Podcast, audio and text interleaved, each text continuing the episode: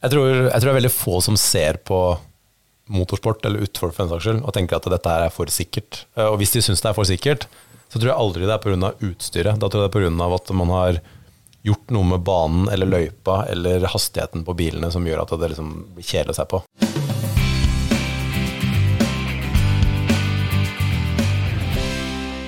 Da har trykka rekk også, jeg. Ja. Da er det alvor. Må trykke rekk. Offisiell rekk på første Ja. pod for gutta boys. Ja. av med hjelmen. Av med hjelmen. Ja. Av med hjelmen skal det hete. Eller hjelmen. Jeg vet ikke, Alex. Hjelmen. Hjelmen, ja. Hjelmen, ja. Jeg ville sagt Jeg hjelmen. fall. bygde, eller jeg i hvert fall er fra bygda. Ja, ja. Du er vel Jeg er fra Romerike, jeg òg. Ja, Er du det, eller er det ja jeg er eh, Jeg så. Råholt eh, trafikkskole på bilen din. Ja, Er det der du er oppvokst òg? ja. Grodd fast her, jeg, så jeg blei der. Da sier vi hjelmen. Men du er, du er mer sånn Lørenskog-ish, er det det? Eller? Ja, når du leste i passet mitt nå, sikkert der står Lørenskog. Ja. Sånn er det der du er født. Ja. Sentralsykehus, eller nå vet du vel Universitetssykehuset i Akershus. Men det er egentlig så er det altså Egentlig så er det Kjeller, typ, altså Lillestrøm, Skedsmo. Ja. flyplassen. Mækkern, liksom. Eh, I den åsen ovenfor Mækkern. er ikke der Ole Petter hadde bryllup? Kompisen Jo, jo, din? Som? Mækkern. Nei, Ja. på um, Hva heter den gården, da? Ja, Det er ikke så nøye. Sørum gård. Nei, den Nei. Uh, ja, Jeg husker jo ikke hva den heter heller. Uh, veldig fint.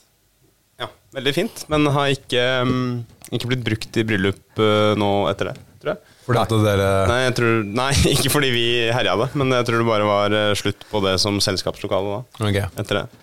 ja. Ja.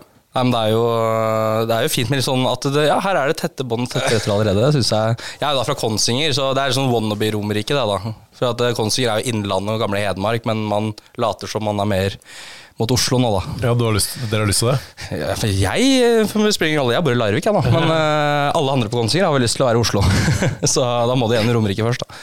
Så, så, men det er vel ikke så mye bilkjøring og sånn på altså, de- Dere liksom som er fra det området, er, ikke mm, er ikke Jansrud også fra litt av samme trakten? Jeg tenker på dere alpinister. Er det ikke sånn alpinmiljø? Nei, Jansrud er fra Gudbrandsdalen, men. Henrik. foreldrene hans er fra, faktisk fra Skjetten. Ja, nettopp. Ja, Ja. og, eller i hvert fall faren hans. Eh, og Henrik er fra Rælingen. så Ja, jeg tenkte på Henrik. Ja. Det var det jeg gjorde. Rælingen. Ja, men du hadde nesten rett på Jansrud òg, bare Ja. var én generasjon eh, feil. Ja, ikke sant. Ja, men det er sånn der. Det er jo, jeg hørte litt på, på den poden her til Henrik Elvestad hvor han snakka med Kjetil, han drev mot. Ja. Og da, Det er veldig gøy å høre liksom, når han snakker om da de drev og avsluttet karrieren sin. Da var du liksom ung. Yes. Den unggutten der inne. Ja. Det var tider. Ja. Men eh, det med alpint og sånn har jo trukket seg veldig mye av andre sportsstjerner. Og ikke minst da Red Bull, som selvfølgelig tar det heftigste, eh, som du har vært under. Og så tenker vi da Kitzbühel, liksom. Det også er vel Red Bull mer eller mindre tatt under sine vinger. eh, No pun intended der. Men eh, eh, gjennom det så har vel du også fått noen Formel 1-opplevelser og sånn gjennom Red Bull, har du ikke det? Det er veldig sjelden Red Bull gjør noe hvor de på en måte er én av 20 sponsorer. Altså De vil jo på en måte eie eh, konsept, konseptet litt. Og på et eller annet tidspunkt så ble de en veldig stor sponsor i Kitzbühel. Um, faktisk en av de mest sentrale folka i Red Bull, bl.a. han som har mye med ansvar for motorsport, eh, kommer fra Kitzbühel i tillegg. Så det er på en måte det er noe Jeg tror ikke det er tilfeldig eksempel, at vi har Nå sier jeg vi har, men eh, jeg er jo ikke med på det lenger. Eh, Kitzbühel, Starthuset på Kitzbühel og hele det opplegget de bygger opp der, er den Team Hospitalityen som de setter opp på MotoGP.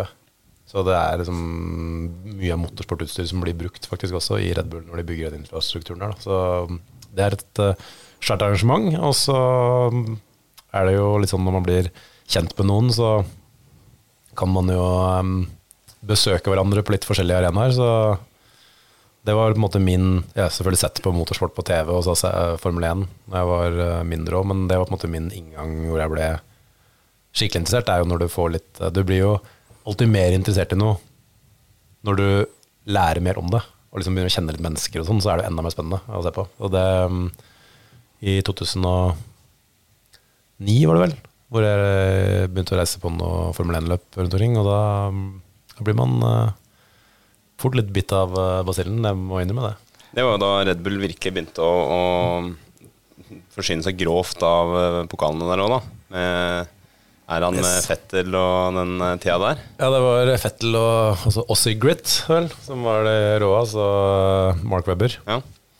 Så jeg husker det var um, noe par Ikke bare par, det var vel nesten uh, dominans der en liten periode, som selvfølgelig er litt um, det, det, sier noe om apparatet som skal til, da. Selvfølgelig. Sånn I utgangspunktet så bør jo en bilfabrikk ha bedre forutsetninger, kanskje. Men all idrett er jo litt sånn Det handler jo om ekstremt flinke folk. Uh, jeg tror Hvis du klarer å samle ekstremt flinke folk og har et, et mission, så må det ikke være en bilfabrikant på en måte sin logo som står, står øverst. Det er jo folk med motorsport og, og bil i, i, blodet. Litt uavhengig om det er en logo fra en tysk, tysk, eller italiensk bilfabrikant, eller om det er østerriksk sportsdrikk som er på, er på panseret. Ja. Men øh, fikk du lov å være med liksom litt bak kulissene allerede i den perioden, eller? Jeg tror det var uh, kanskje litt Eller bak kulissene. Altså så, litt mer i garasjen? Ja, ja. Så det er, det er, vel så langt bak kulissene som man får lov til å være med når man kommer som turist. Det er vel også å få være, stå i garasjen og ha headset på hodet, på en måte, sånn at du følger med. da. Så jeg tror det var også noe av grunnen til at jeg um, egentlig hadde et bra forhold til det over mange år. At jeg syns, at den delen var mye kulere enn uh, festene på kvelden og natta. Så jeg var liksom tidlig Eller var med på det, jeg fikk lov til å være med på den type ting. Og tidlig på dagen etter på frokost og Jeg fulgte med, da. Så jeg tror det gjorde noe at jeg, det var sikkert noe som gjorde at jeg bygde et bra forhold til det òg, som jeg egentlig har for så vidt ennå. At du måtte kjenne mange mennesker der godt. Da, for at du, de, du merker jo sikkert litt forskjell på for det, Formel 1 er fett på flere måter. Det er jo ikke bare racingen som er fett, men det er jo veldig mye rundt et Formel 1-løp som er Det er jo en grunn til at Formel 1 blir et slags uttrykk. Altså, man sier om utfor, utfor er liksom vintersportens Formel 1. Altså, det blir liksom en sånn benchmark, da.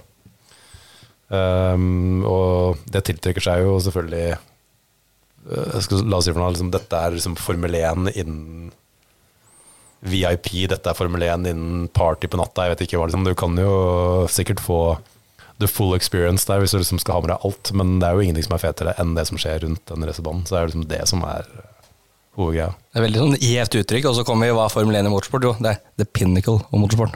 Det er det vi sier om Formel 1. Ja, Eller så sier vi at det er sjakk da, i 300 km i timen, så jeg vet ikke om sjakk piker i spenningssona der, men det er jo en annen, annen hva, diskusjon. Hva er sjakkens Formel 1, da? Er, det er kanskje hurtigsjakk? Ja. Nei, lynsjakk. Jeg er veldig usikker på. Det er nok eh, Jeg tror nok faktisk ikke Eller jeg vet ikke hva som er høyest. Hva er det som er eh, Det er endurance er det vanlige. Det er jo rein endurance, liksom. Ja, vet, men hva er det, det som jeg tenker er grunnen til at man sier eh, at det er liksom Formel 1, handler også om prestisje. Så det er ikke bare hastigheten, på en måte, men det er hva, du får, hva det er mest prestisjefullt å vinne. Da. Så mm, da, det får Magnus Carlsen svare på, hvor, hva han blir mest happy med når han vinner.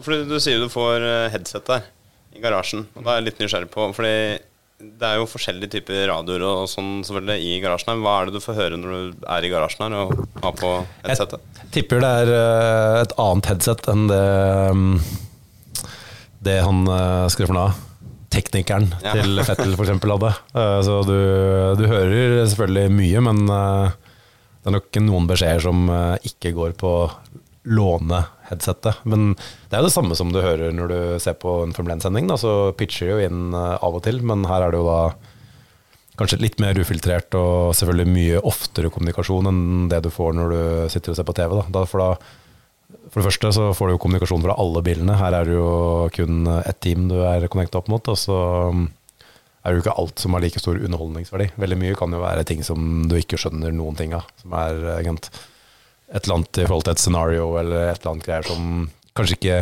gir så mye, mye mening uten kontekst. Da. Men mm. det er mer det å føle at du er i spenninga. Altså, det er jo når du er midt oppi det, og så du skjønner hvor uh, mye en seier betyr.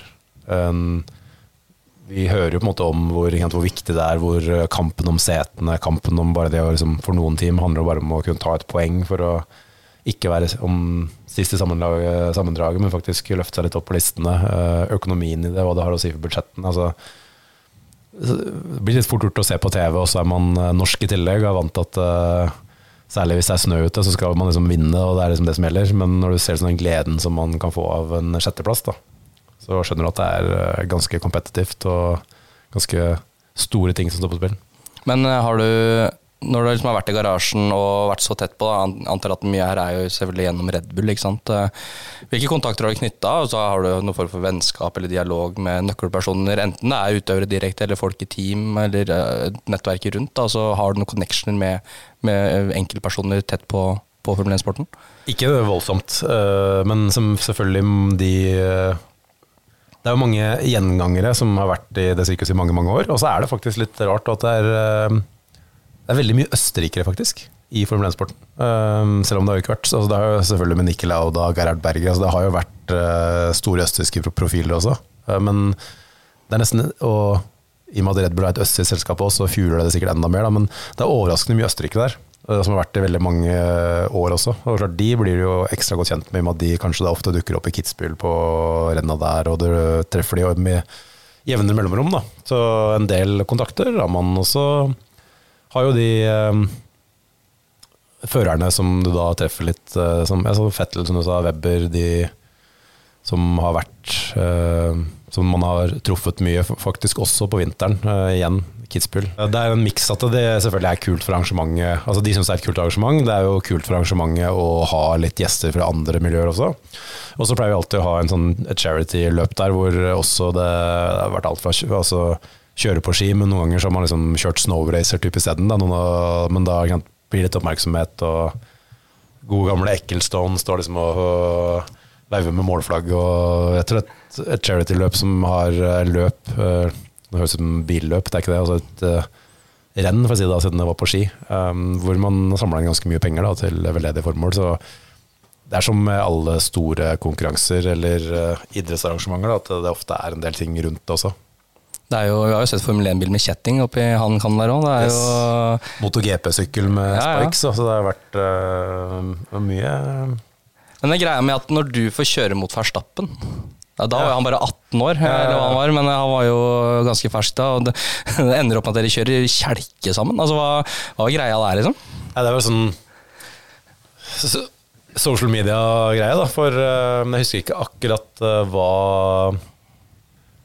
hva det var, for å være helt ærlig. Veldig ofte så er det jo de eh, Til den type ting som er litt altså Det er både tidkrevende, men nesten litt sånn risky også. Så er det jo veldig ofte de eh, altså tidligere Toro Rosso, men Alfa Tauri-pilotene som kanskje stiller opp, altså mer av den type ting, da.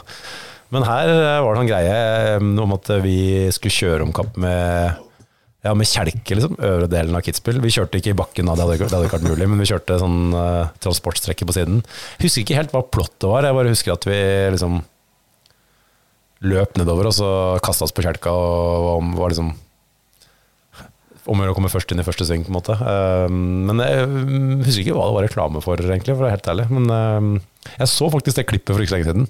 Og du har helt rett, det var, jeg var yngre, jeg, men uh, Verstappen var i hvert fall yngre. Han, eh, han var vel akkurat Han hadde vel kanskje kjørt Formel 1 et par år, men han begynte vel da han var 16 eller 17, så han eh, Jeg var ikke der opptakten til det berømte 2016-løpet i Kitzbühel. Og da hadde jo han debutert i 2015, så han hadde jo gjort én sesong. ja. Så, men ja, apropos det òg, jeg tenkte på den stygge smellen du hadde der. Så nå ble det helt stille på stadion, og så zoomer man inn på enkeltfolk. Og da, det er noe når du ser da bekymrede øyne til Nikki Lauda etter at du har tryna. Mm.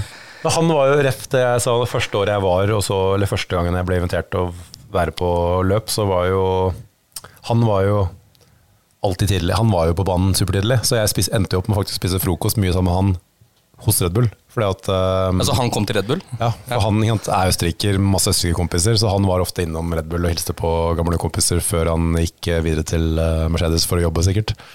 Så um, det er en Han, han er råtass, da. For en legende. Så det var um, Ja, fordi det var når du delte på Instagram når du var i begravelsen, så, så jeg tenkte bare ok, det er ikke bare en sånn overfladisk østerriksk Red Bull connection du kanskje har hatt med Lauda, så du, ja, du kjente den tydeligvis ganske godt, fikk jeg inntrykk av.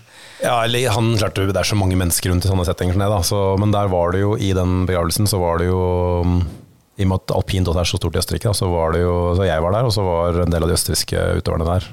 Altså fra de generasjonen Kan du si Kanskje litt den som jeg er en del av, men også kanskje den generasjonen før, da.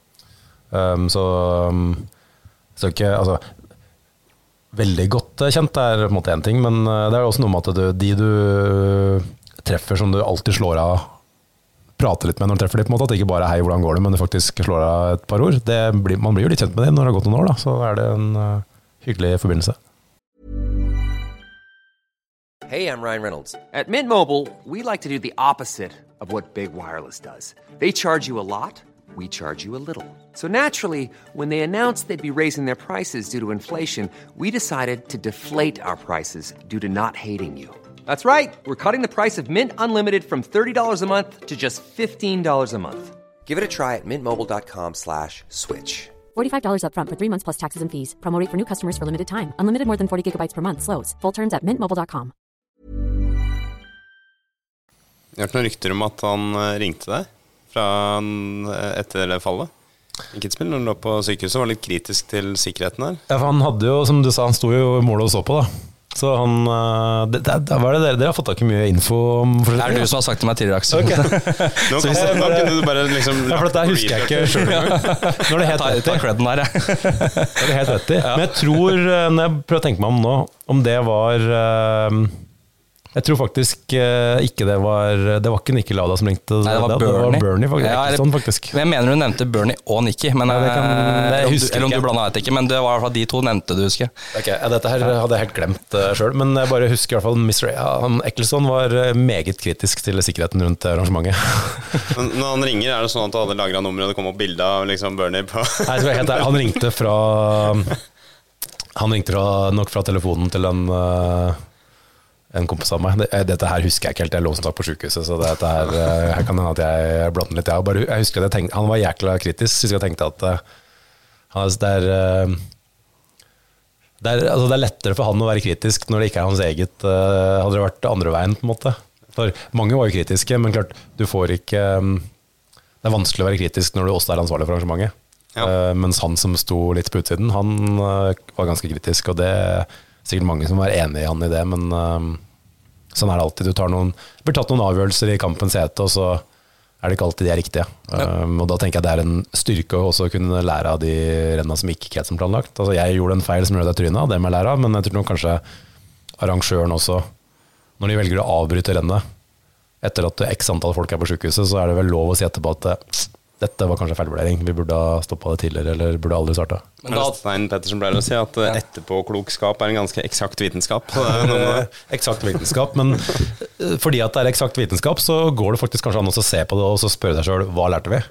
Det som jeg ikke har trua på, er også eh, være ufeilbar liksom, og tenke at nei, nei, nei, alt var perfekt, og så bare skyver du i skuffen og så ikke se på det. det er, altså, jeg tror det er bedre å være etterpåklok og prøve å lære av noe, enn å så tro man eh, er perfekt og aldri gjør feil, og så bare skyve alt under teppet og ikke se seg bakover i det hele tatt. Um, jeg tenkte på det med, det med sikkerhet, uh, som blir litt kritisert. Da. Uh, jeg mener jo kanskje at uh, det du har drevet med, er langt uh, farligere enn all bilsport, selvfølgelig. Men hvis, du tenker på liksom all motorsport og sånn som blir kritisert for alle nye ting ikke sant? Når Haloen kom, så var det kritisk. Nå er det masse debatt rundt det der med at førerne ikke får ha smykker når de kjører bil. Eh, alt det, hvordan synes du Tenker du at det kan liksom på et eller annet tidspunkt bli for sikkert, eller er det liksom bare å akseptere at det er faktisk noe vi burde, burde ha? Jeg tror, jeg tror det er veldig få som ser på motorsport, eller utfor for den saks skyld, og tenker at dette er for sikkert. Eh, Og hvis de syns det er for sikkert, så tror jeg aldri det er pga. utstyret. Da tror jeg det er pga. at man har gjort noe med banen eller løypa eller hastigheten på bilene som gjør at det liksom blir å på. Jeg tror aldri sikkerhetsutstyr i seg sjøl vil gjøre noen ting farlig. For det, det folk helst vil se Folk vil jo at det skal være action, og folk vil jo at det skal være så mye action at liksom, man ser at det er litt uh, skummelt, for det er et ekstra spenningsmoment. Men det du vil se, er jo at det er, er noe som skjer som ser litt skummelt ut, og så går det bra. Du vil jo heller at eh, eh, Ja, når en bil liksom type eh, ja, Mick Schumacher i Monaco, da. Bilen deler seg i to, og han kan gå ut av bilen og vise at han er ok. for ikke å snakke om Grosja i Bahrain 2020. Yes, da tok det litt lengre tid, da, for han måtte løftes ut av bilen, så han fikk ikke gått ut sjøl. Men eh, han eh, Gikk kom nesten ut helt sjøl, Ja, det var litt mer ubehagelig litt på. ja. Men poenget mitt er i hvert fall at hvis det, det vil folk se, det du ikke vil se, er at det blir svart flagg, og at det blir liksom kasta en et laken for å en måte, gjemme skadene når den blir båret ut, den personen. Det er ingen tjent med. Så sikkerhetsutstyr er alfa og omega. For at du vil at det skal se litt heftig ut, men du vil at uh, løpet skal kunne gå videre, selv om det er noen som har strekt strikken litt langt. Men sånn som hvis man tenker regn i Monaco, da. Ja. For det er alltid noen som liker å trekke fram typ, på 80-tallet, 90-tallet, så kjørte Monaco i regn. Men nå, sånn som i år, så blir det utsatt, og så blir det rødflagg, og så kan man si at ja, det regna spesielt i år, da, så regna det mye, og vi så at det var, kanskje var lurt, men det var rullende start, ikke stående start. Er det også eh, Er det Man tar litt liksom brodden ut av spenninga, eller er det liksom bare noe vi, vi som seere og som burde akseptere? At det tross alt er andre enden her, så er det faktisk mennesker som er på jobb, da. Jeg, jeg tror at vi må i hvert fall legge til grunn at de som tar de avgjørelsene, har eh, bedre data og bedre grunnlag for å ta det enn det vi har når vi sitter og ser på TV. Um, det tror jeg liksom vi må ha som en sånn base. Og så er det, er ekstremt vanskelig. Du vil jo at det skal være underholdende, du vil at det skal være um, liksom en fight, men du vil også på en måte at det skal være innenfor rimelighetens grenser. Og så er det jo heller ikke noe gøy, selv om ingen skulle bli skada, hvis seks biler går ut i første sving. Det er liksom ikke Det er litt suboptimalt, det òg, tenker jeg. Det er hvert fall hvis, du på en måte, og hvis det regner ekstremt, så er det jo veldig ofte kanskje noen bak som bremser litt for seint, og så får du, låser du opp, og så drar du med deg liksom tre biler foran deg ut i første sving, og da er det kanskje de tre som kjemper om uh, mesterskapstittelen, på en måte, og så blir tre av de tatt ut, og én kanskje stikker videre. Som, altså, prøve å unngå kanskje litt av de situasjonene der eh, også som egentlig ødelegger spenninga veldig mye. Da. For det, hvis du ser i år, så hadde jo hvis ikke Hvis du tar ut um, du, La oss si at det, i år har det vært i stor grad Ferrari mot Red Bull, altså fire biler. Hvis du tar ut tre av de bilene i første sving, så er det en ganske kjedelig løp i forhold til hvis de fire får kjempe mot hverandre. Så jeg tenker å optimalisere litt for at ikke alt blir avgjort i første sving, og synes jeg egentlig er en grei, eh, grei måte å gjøre det på. Har du ofte vært på Formel 1-løpet i Monaco? eller? Ja, Ja. Det er nok kanskje det løpet jeg har vært på flest ganger, faktisk. Ja. Åssen er det å være tilskuer der? Det er jo ikke et sted hvor du ser veldig mye av banen, um, enkelt og greit. Og det er jo et um, kaos på mange måter. Det er jo en ganske liten, trang by som får uh, sinnssykt mye mennesker uh, på kort tid. Um, det, men samtidig så er det på en måte så proft, og omgivelsene er jo igjen, da. Det blir på en måte altså det, er, uh, det er Formel 1 på steroider, føler du, på en måte, når det er nesten. Da, for er så, alt er så voldsomt. Da. Og lyden mellom bygningene, bare det faktum at det liksom går rundt i gatene der i liksom, havna man har båt, altså det blir jo helt Det blir spektakulære eh, omstendigheter. Og så er det jo en skikkelig god stemning, for det er jo nesten en festival. Da. For store deler av banen er jo gågate med liksom skjenke Altså med boder som selger øl, og det er liksom piknikstoler og på natta, og så blir det bare fiksa liksom, i løpet av morgentimene, og så er det klart for å kjøre igjen. Um, dansegulv én time, liksom, og billøp et et par timer senere. Så det er uh, rått arrangement. Eh, men dessverre vanskelig å kjøre forbi, da. Og det gjør jo noe med spenningen i selve racet. Eh, så et rått sted å oppleve Formel 1 eh, pga. atmosfæren og liksom biten der. Og så er det jo også noe med presisjonen førerne har når du er så nærme autovernet eller veggen. Så mange svinger på en måte rundt den banen, så mange runder. Det er sinnssykt imponerende. Men litt lite spenning akkurat i, fordi det er veldig vanskelig å kjøre forbi. Den debatten som er nå med å eventuelt ta Monaco helt vekk, hva, hva slags følelse vekk, har du rundt det? Jeg tenker, det er jo mye historie og nostalgi her som det er um, Man bør også respektere, da. Og så kan man jo si at uh, det er et annet løp hvor uh, kvalifiseringen er viktigere enn selve racet. Og da ja, det er eh, an, litt andre typer skills og kanskje en bil som ikke er raskest på, i løpet, som er, kan være raskest på én runde. Da. Så jeg tenker at det er så mye der som er positivt at det ikke er noen grunn til å ta det bort, bare for at det er litt vanskelig å kjøre forbi. Jeg tenker Når du snakker liksom om Formel 1 og sånn, og bare tenker på deg, altså hvor, hvor interessert er du? Altså hvor liksom, Om ikke petrolhead, så sånn ja, Hvor nerd er du da på både Formel 1 og motorsport eh, generelt? Ikke helt sinnssykt nerd, skal jeg være helt ærlig. Ehm, var ehm, så Jeg så en del på motorsport da jeg var mindre, men da er det jo litt mer sånn hva er tilgjengelig? Altså Nå er det jo alt tilgjengelig for deg hele tiden. Den gangen, så, hvis du går tilbake liksom til uh, 90-tallet, så er det vanskeligere hvis du ikke er ekstremt nerd å faktisk få tak i ting å se på. Uh, det er ikke sånn som nå hvor du kan se på alt overalt hele tiden. Og så var det jo noen perioder hvor eh, det var mindre interessant, for at eh, løpa var Det var ikke noe spennende. Um, og så er det noe med det å oppleve det litt sånn på kroppen, hvor du blir mye mer interessert igjen. Um, og så syns jeg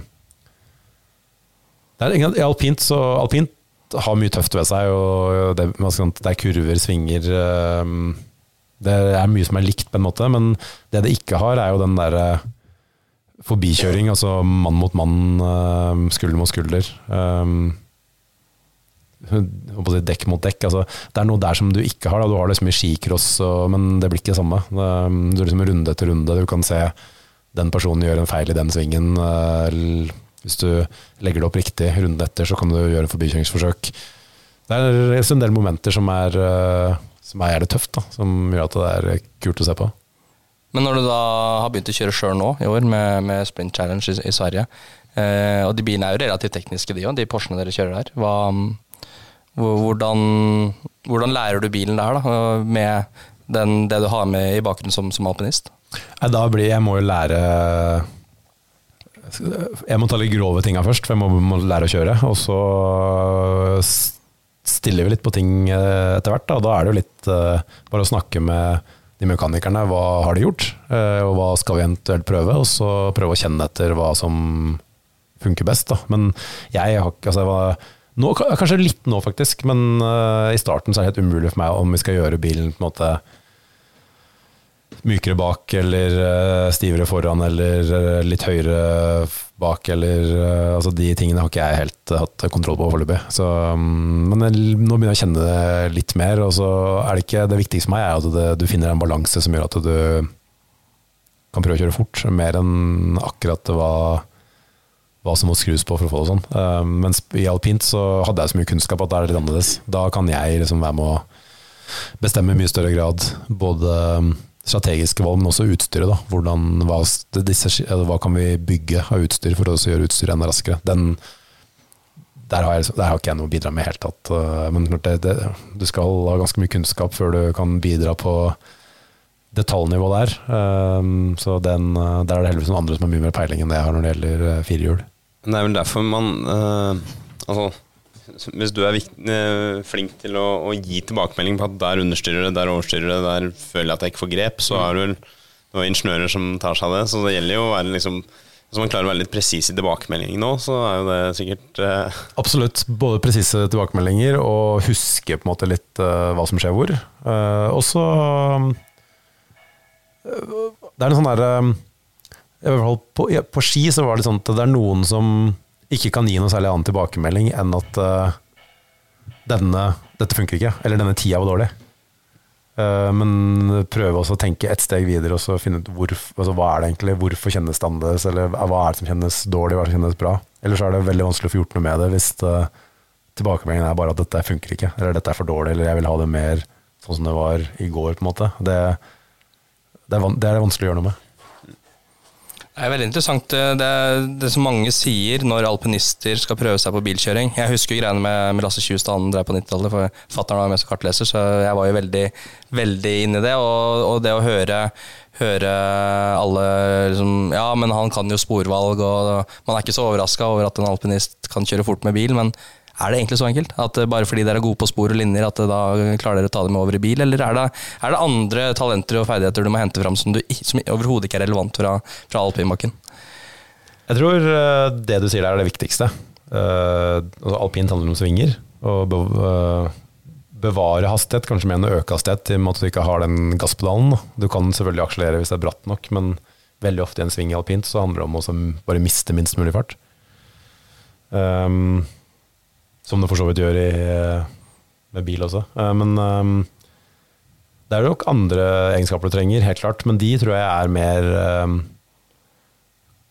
kanskje idrett generelt, da. Eller egentlig overalt hvor du hele tida må prøve å bli bedre og prestere, hvor det sånn, handler om små marginer. Så får man, tror jeg, får lære en del om både hva du skal gjøre når det er konkurranse, men også det må også, for, for hver eneste måte, runde du kjører på banen, eller hver eneste sving du gjør. Da. At du er liksom litt bevisst, sånn at du faktisk lærer noe av det. At ikke du, du kan jo kjøre ti runder, og så kjørte du kanskje litt fortere og fortere, og fortere men du aner ikke hvorfor. Men det å ha liksom et forhold til uh, hva man gjør for å, for å bli bedre, eller hva man gjør når det lykkes, og hva man gjør når det ikke lykkes. Har du trua på det med simulator? Jeg har hørt noen rykter om at du har testa det så vidt det er her. Du sa ryktene. Det er Aksel, kom hjem til meg. Eh, for jeg har en simulator i garasjen på kontoret mitt. Og han var og spilte Mesternes mester i nærområdet og tok en hyggelig tur innom. Og du satt der litt, da. Så.